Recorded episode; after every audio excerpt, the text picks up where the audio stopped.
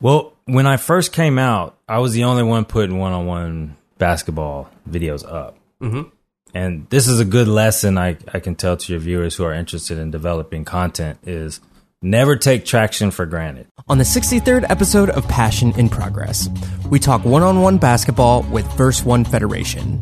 Verse One Federation is the brainchild of John Rambo, otherwise known in the basketball community as Big Brother. His channel, filming one on one basketball games, is about to hit 100,000 subscribers. We dive deep into what we think is working with his channel and how it's about the story behind the characters in Verse One Federation that really makes his content stand out. Without further ado, let's move into episode 63 of the Passion in Progress show with the one on one basketball YouTube channel, Verse One Federation. What is up, Mercedes? Javier Mercedes here for yet again another Passion in Progress show where we talk to inspiring individuals and hopefully through hearing their stories, you too are motivated to go out and pursue your passions. I'm here with the one, the only John Rambo from Verse One Federation. How you doing today, man? Be there. Tell them what you do, man. We do one on one battles on basketball. So we just pick two players in a maybe in a rec center or somewhere that found out about our channel and they're really good and we put them up against each other. How long you been doing it? I want to say 2010. 2010. It's a YouTube channel, correct? Yes. People playing one on one against each other, and like, how did you get into it? Because at this point, I just want to give context to the audience. Like, each one of these videos, on average, gets like five to ten thousand views right now. Explain like what goes into making a Verse One Federation video. We've gotten to a point where you know, we have a little bit of a following. So when I approach a basketball player now and let them know what we do and show them we have a YouTube channel, there's already kind of an interest in getting involved. If I go back to 2010 or whatever when I started, Mm-hmm. things were very new. Like even Facebook was new to me. Like I know I had already been going, but when I realized I had friends from high school, I wanted to. I actually wanted. This is the truth. I actually wanted to show, kind of like show off my basketball skills. Okay. So that was the initial thing. Was like I wanted to impress people, Mhm. and specifically a girl that I used to like. I wonder how many like ideas start from wanting to know, impress a girl. So anyway, I won the first game, and so my plan was to go on a winning streak and be kind of like uh, the hero. But instead, I lost pretty much right away. so in the second game, I'm already losing. So I was like, well, how can I just trip and keep going? So I was like, well, let me find somebody to play that guy. So I found somebody else to come beat that guy. And then it was like, okay, well now we got a new champ. That's what we were calling him. You're the whoever whoever's winning is the champ. And uh, then we wanted to add height categories because just to make it more like competitive. Because you could have like a six five guy going up against a five eight dude and just kind of like back him down. So it's not really fair. Mm-hmm. So I developed height categories. Every four inches is a new category. And there's So that try- many people playing that you have that much. Yeah, we got. Well, there's different. You know, there's different styles of basketball. Yeah. and that's another thing that's really intriguing to me is you have the guy that does the bang bang in the post, you know, in the paint and has the footwork. Then you got the guy that does the step back and shoot like Curry. Mm-hmm. So it's just different styles. It's, I always thought of it like kind of like martial arts. Yeah. I don't know if I answered your question. Oh no, no, for sure, for sure. Talk about chess and how it relates to what you do with verse one. Chess uses an algorithm, uh, kind of like the ELO. They call it the ELO rating system. Mhm. where a person starts out at a 1200 value and then when they beat somebody they take some of their elo rating points and add it to them so if you beat a really really good player you'll get a lot more points than if you beat a sorry player and if a sorry player beats you then you're going to lose a lot more. We use the elo rating system with the basketball players. It's a one-on-one sport which the elo works really well for that. And so over many games the elo gives you a good idea of what their skill level is. Because it's not like one game could be a fluke you know you hit a bunch of threes and you got lucky.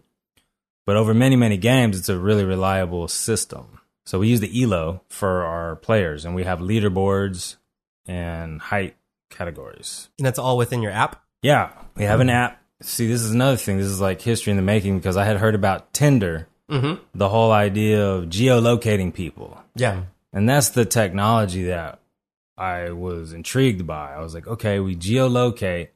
We could have basketball players meet up on a court somewhere and just play, play for elo points.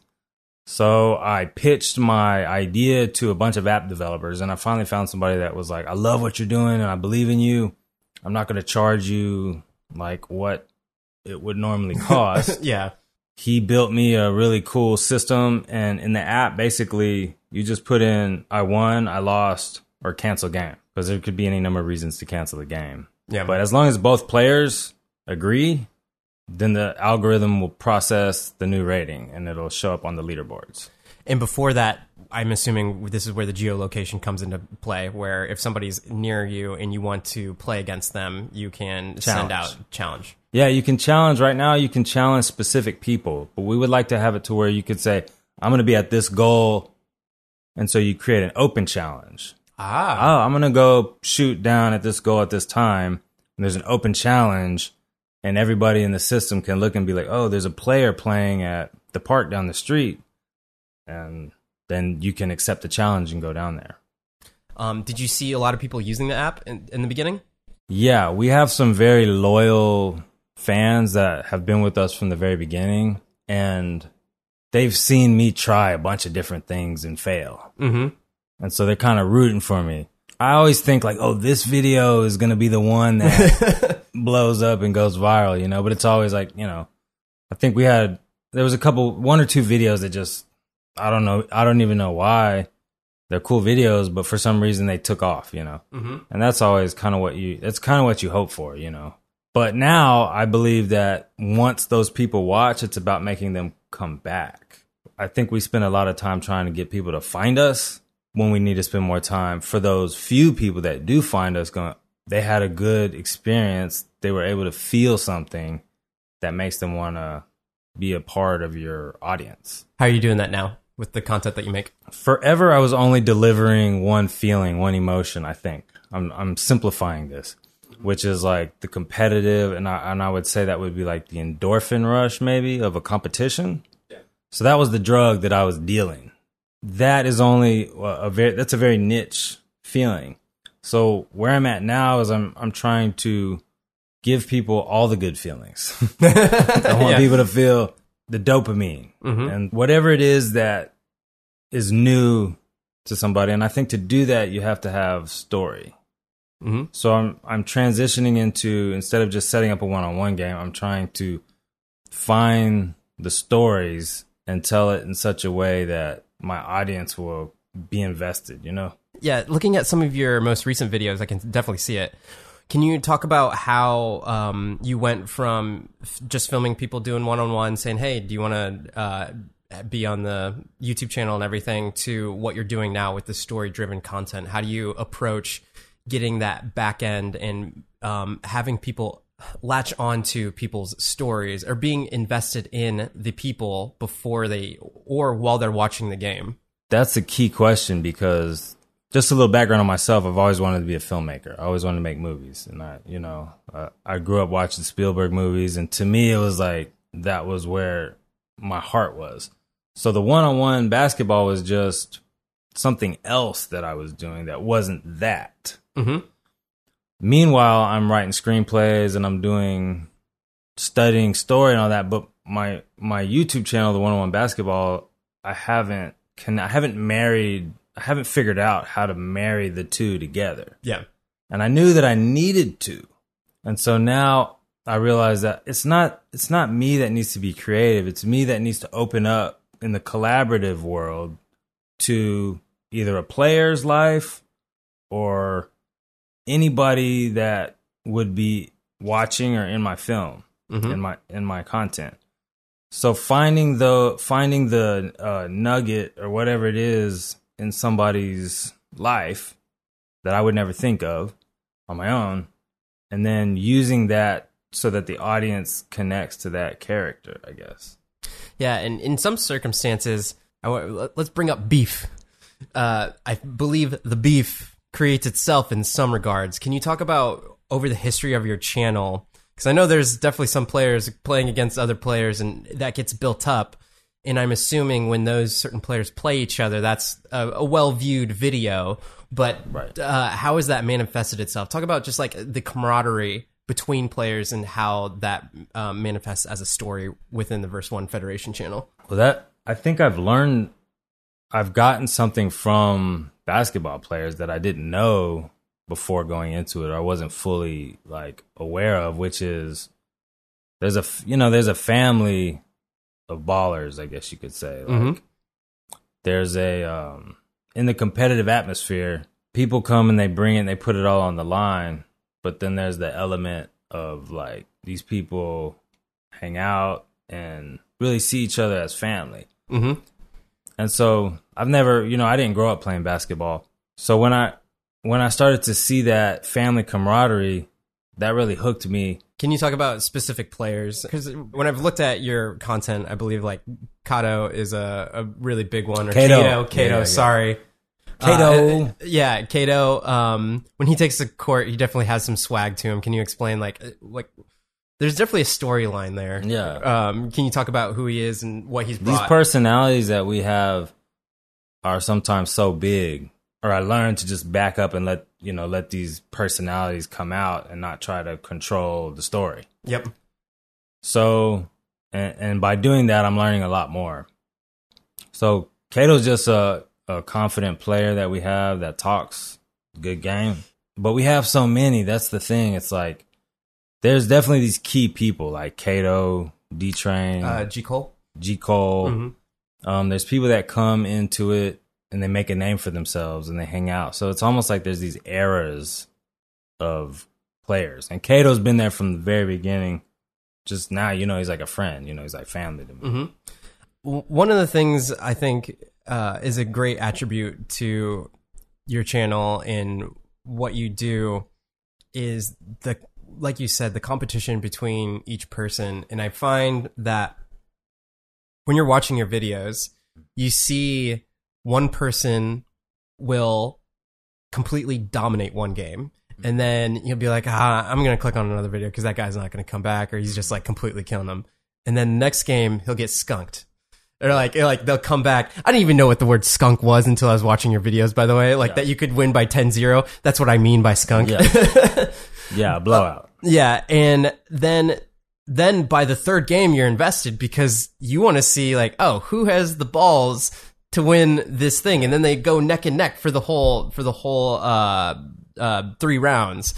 What are some of the best competitions that you've seen on your channel between people, and have you seen people grow from um, competing? Yeah, well, people have a habit of getting good at something and then they're good in their particular circle. So what verse 1 does is we're pulling players and you don't know what circle of talent they're coming from.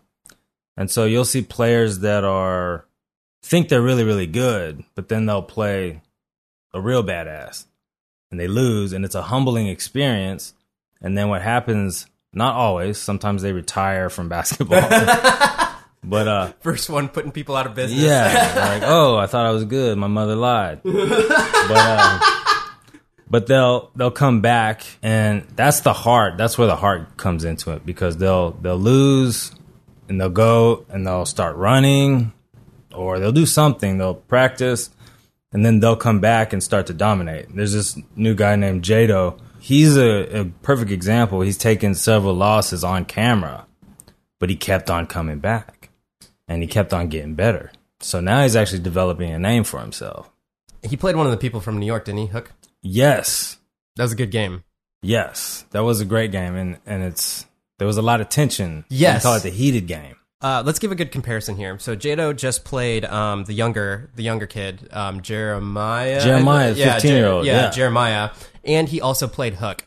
If you look at both of those videos, which I recommend you do, it's a complete contrast in the what goes on between the players and what's happening, just the atmosphere of the game in general. Like Jado himself is like, just want to get here, get some wins, get some dubs and everything. And then with Hook, then it's just like, it's nah, man, we're here, we're here to play and I'm here to Yeah. dominate and you're going to lose. I'm completely taking this whole story away from you, No, but I, I just, okay. find, I just found that this concept between, um, video to video and, uh, the atmosphere between person to person, even though it's the same player, it completely uh, attributes itself to the overall story that you're talking about, coming back and coming back and coming back to watch more people in Jado grow in his own story, which I think is really cool. Yeah, um, Hook, he kind of had a little bit of, I would say, bad, maybe some bad luck because we had we had this uh, the ref situation where he felt. I think the first game when he played Brandon, he felt like he didn't get certain calls. Mm-hmm.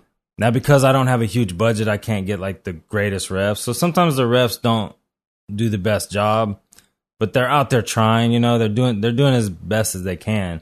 But I think he felt like he kind of maybe it didn't come out his way the first time due to some calls, and then again it kind of happened again where where he came into this game and he was like, you know what, I'm not gonna, I'm not just gonna sit back and let these guys cheat me. as well. I think. He, I'm not saying that he was saying that, but I'm saying in his mind he felt like he needed to come back and be a louder voice. So he came into the Jado game ready to protest any BS calls. See, now I'm And getting that- even more backstory on it. I, like, I'm even more con- invested now. Yeah. and so he came out and he wasn't he wasn't going to take any shit. So as soon as he felt like calls weren't going his way or something, he was speaking up, which is good. You know, they're both looking to the ref like, you know, this guy's getting away with, you know, and it just it got it escalated, and it's great content. yeah, I, I will say the one with uh, Jado and Hook is great content from the sense that there's so much tension there, and then the one with Jeremiah is just because they're playing a really good game between each other. It's just like really clean. There's always defense and other things like that. Speaking of, what would be your general opinion of how much defense is played by the people on in one on one on your channel? This is very very good. That's a very good topic because my audience can't stand when people don't play defense. Myself included. Yeah. So if you get this idea that the player doesn't care so much, he's kind of letting the guy shoot. It makes for um, the con. It ma- it makes for players that don't care, and when when you don't care, your heart's not on the line. Mm-hmm. And good good content is when you have two opposing people, and both of them are invested, and the heart is on the line. Uh, my audience will call them out real fast if you're not playing defense. And what's interesting Sometimes it's hard to play defense. It's very hard to play defense. Stamina. to put into context for the audience, how long are they playing? What's a typical game? So we go to 18 by twos and threes. 10 0 is a skunk, and we do three rounds. And if you don't remember, skunk is if somebody is winning by ten to zero, Yeah. um, the whole game, and the other person hasn't scored. Yeah, if you don't if you don't get on the board, you're at risk of getting skunked, So, which is like a fatality. Fatality. And what I find interesting is sometimes people can be so talented that they don't have to play defense and they'll just sit back and they'll do that step back they'll just hit threes and uh, the video will be a lot shorter because they're just like they're making the threes but when that person comes along and puts them in their place then then that's when they're like all right you got to start playing defense Oh yeah. A lot of people have gotten off the hook because they're a great three point shooter. And the defender doesn't believe it. Because sometimes people get lucky and make a three. mm-hmm. Well, if they make two in a row, that's the warning. you're, you're already oh. 6-0 That's the warning. And then you better step up and tighten up on that person. And so some people have lost very quickly. I'm talking about 30 second games where the person just hits all their threes. We've had a couple, we've had a few of those, and th- those are memor- memorable moments. from where you've come um, filming the basketball games to where you're at now, where have you seen in the game that's played? And I know that, like I like I alluded to earlier, like with Hook, like you're bringing people from like there there are people from other states now, and you're you're it's more of a like a nationwide thing. How have you seen the game transgress from 2010? Well, when I first came out, I was the only one putting one on one basketball videos up. Mhm. And this is a good lesson I, I can tell to your viewers who are interested in developing content is never take traction for granted. Mm-hmm. If you start to get traction and then you stop making a product, you've lost the traction that you have. And you may still have some people that will watch your channel, but never take traction for granted. I had all this traction for a while and my camera went down. And then for two months, I didn't put out a video.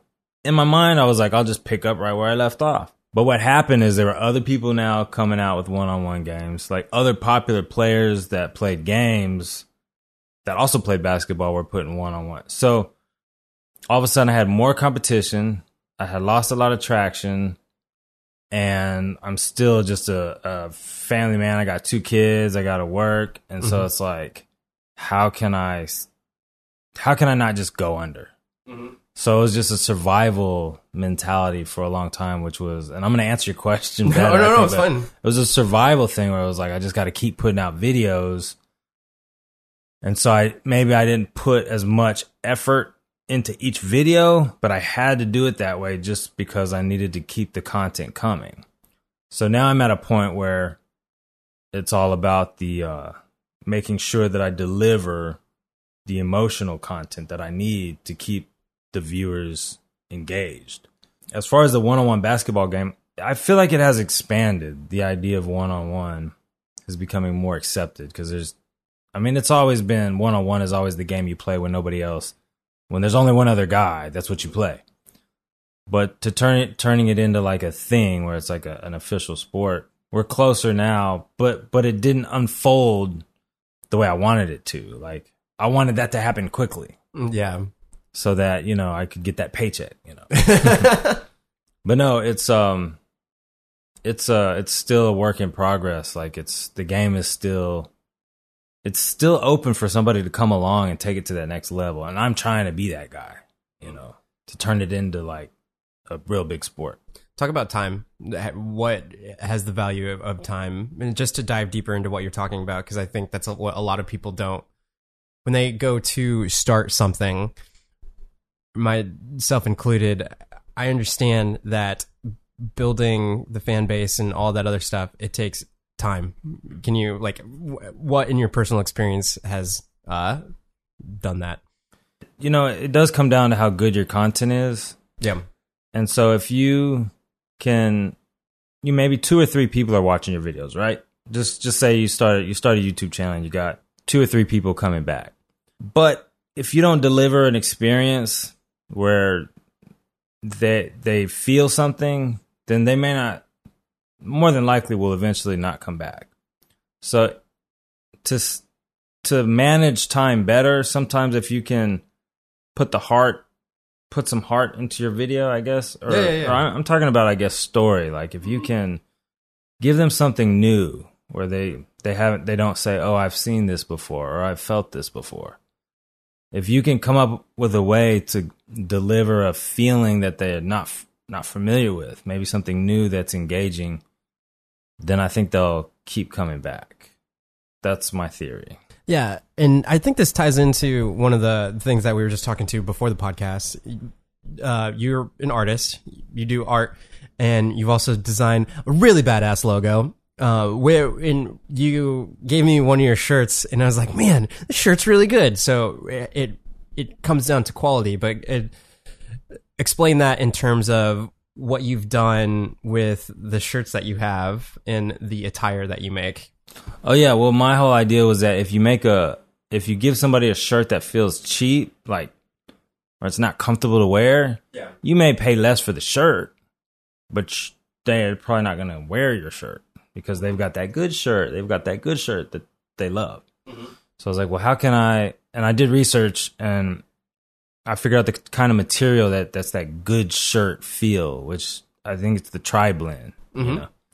What, it's the premium. what, what is a tri blend? A tri blend is like cotton, rayon, and polyester. And it, it, like so personally, it just like it stretches in it like it breathes. Yeah, it just feels comfortable. It just if you could wear not a shirt at all, then that would be optimal. but- at least in Texas. yeah, But um, if you have to wear a shirt, you know you want to wear something comfortable.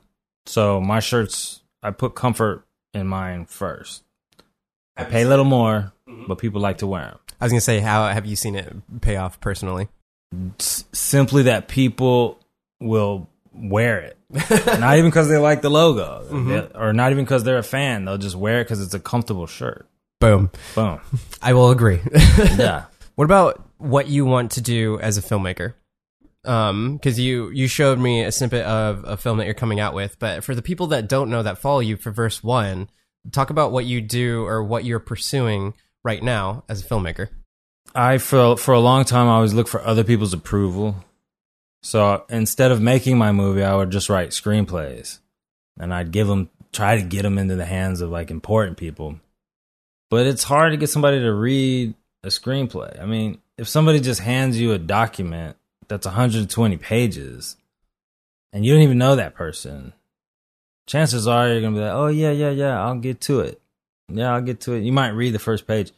So as a as a person that wants to be a filmmaker, I decided I have the knowledge to. I mean, I have the tools to make my own movie.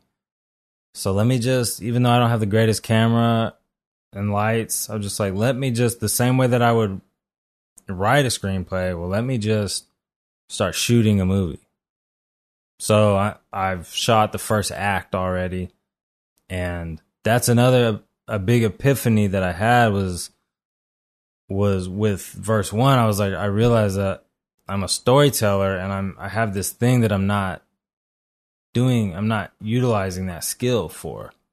And so right now I'm going through a transition where I'm taking my channel from just one-on-one battles into who are these people? What are they like? What are the emotions and context behind the game? And so I th- I'm expecting that the content that I'm going to start putting out is going to be better and more engaging and it's not going to take my audience for granted because that's a, that's the thing that I think I maybe did for a long time. That's something that I learned is that I need to deliver an emotion. Neurotransmitters is what I call them. I have a theory on developing content, which is like we are in a way drug dealers and we're giving people these neurotransmitters that evolution has designed and they're very powerful. Figuring out how to trigger those different neurotransmitters is I think what hooks people into your content. Because, you know, it's not just a person talking. Sometimes a person talking can do that. mm-hmm. But um not everybody has that skill. so it seems like one of the points that you keep bringing up is the emotion is the Yeah. story is all of that and uh and you're also practicing that with your own filmmaking i can see from just the most recent videos that you've posted your content looking more like a SportsCenter or a 60 for 60 30 for 30 those um those kinds of things especially when getting the interviews and all that kind of stuff uh, would you agree Yeah. Yeah, I mean that's really what I'm going for is by having the the narrative and I never wanted to be in front of the camera. Yeah. But I have access to myself more than anybody else, so I'm like, well, I just need to bite the bullet and tell my story or the story that I'm trying to tell. And so in this the recent content, it's one of those things where you got to see it to understand. So you go to verse 1 YouTube channel self promotion. but um but yeah, I need but I need I'm making a promise to my audience when I create a video like that. I'm making a promise that I'm going to continue to put out that quality. What do you think needs to happen in like the next like five years, ten years for like where do you see yourself and what do you want to be doing with verse one? I would love to have a an official global sport with a champ and a championship team, similar to chess. The difference being that I have a act some uh, a sport that we can videotape. I mean, you can videotape chess, but for a lot of people, you know, that's a very niche group of people that will watch that. Yeah. So I'm hoping by engaging emotion and personality and story into the sport that I can develop one-on-one basketball into being a, you know, a bigger sport. I don't know if that's going to happen in 5 years, but it's all a game of chess where you you make a little move that improves your position. And you know, when you get some money in the bank, maybe you can make this move. You can bring your bishop out. You know, maybe you can castle. So there's no magic stroke to just hitting it out of the park, but you do what you can, little piece by little piece, baby steps. So I'm just going to keep making baby steps and hopefully it will continue to climb like we're starting to see a bump in our channel right now. So Yeah, I think the biggest thing here with the emotion is also context, context, context. if you, yeah. even if people listen to everything that you're saying right now, like myself included, just meeting you um, the other day, I have so much more vested interest in what's going on with your channel between the people that are playing because I know the person behind the camera that's making the content itself. Yeah. And not only that, I like what we just discussed with Jado and Jeremiah. Uh, somebody could randomly come across that video and maybe get hooked just because, like I said, um, he lost a game, then he completely dominated another game, then you're like, well, what's going to happen with this next game, you know? But if you see the videos over uh, a period of time, it may not be the same character, but then you can see your own development, just like you were saying. Some some of the OGs are like, yeah, they Yeah. just like they want you to succeed in whatever you're doing. So I think it's really cool knowing that you want to bring more context to the content that you're making.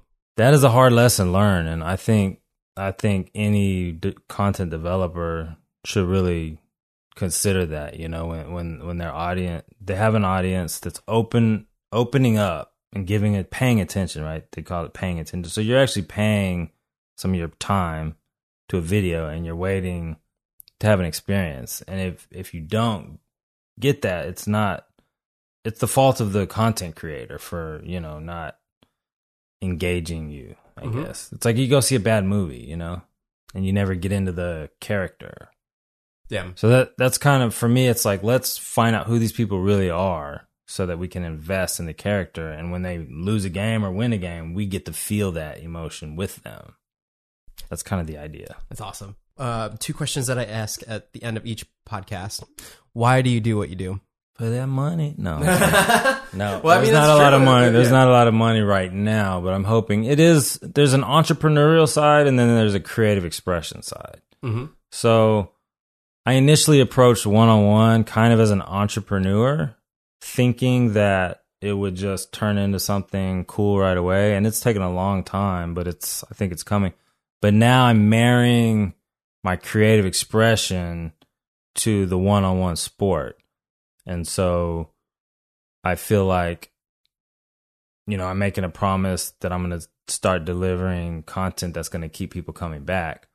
So I just need to keep that mindset and and that's why I ask you to check out my videos. You know, Mhm. I send I send my videos, and and when I'm proud, really proud of something, I'll send it to people. You know, because I'm proud of it. From where you were at 2010 to where you've gotten today, was some advice to uh, inspire individuals to go pursue whatever they are passionate about, like you, to Verse One Federation. take the time to search your heart and there's something deep deep deep down in there that you're compelled to do. And for everybody it's different. So figure out what it is that you feel like the reason why you're here that important you know find that place and let that be the core of where you bring your creativity from of what you what you pursue your passion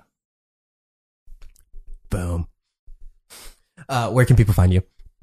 you can find me um you can find my channel it's just verse one federation or if you can remember v1f v the number one the letter f uh you can find me on instagram. My art page is ramborg art. Ramborg underscore art.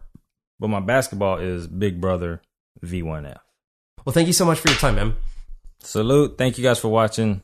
Check Mhm. us out. Yeah, definitely check out Verse One Federation. If you watch one of his videos, you'll definitely get a uh, an inkling of what kind of content it is, and if you if you sit through, you'll you'll get hooked because you you start to root for one of the characters in Yes. the you story. become that guy Yeah, you you, you you want the underdog to win, or you want this person to keep winning, or whatever is happening within the confines of that video over time. Um, I think it's really cool what you do, man.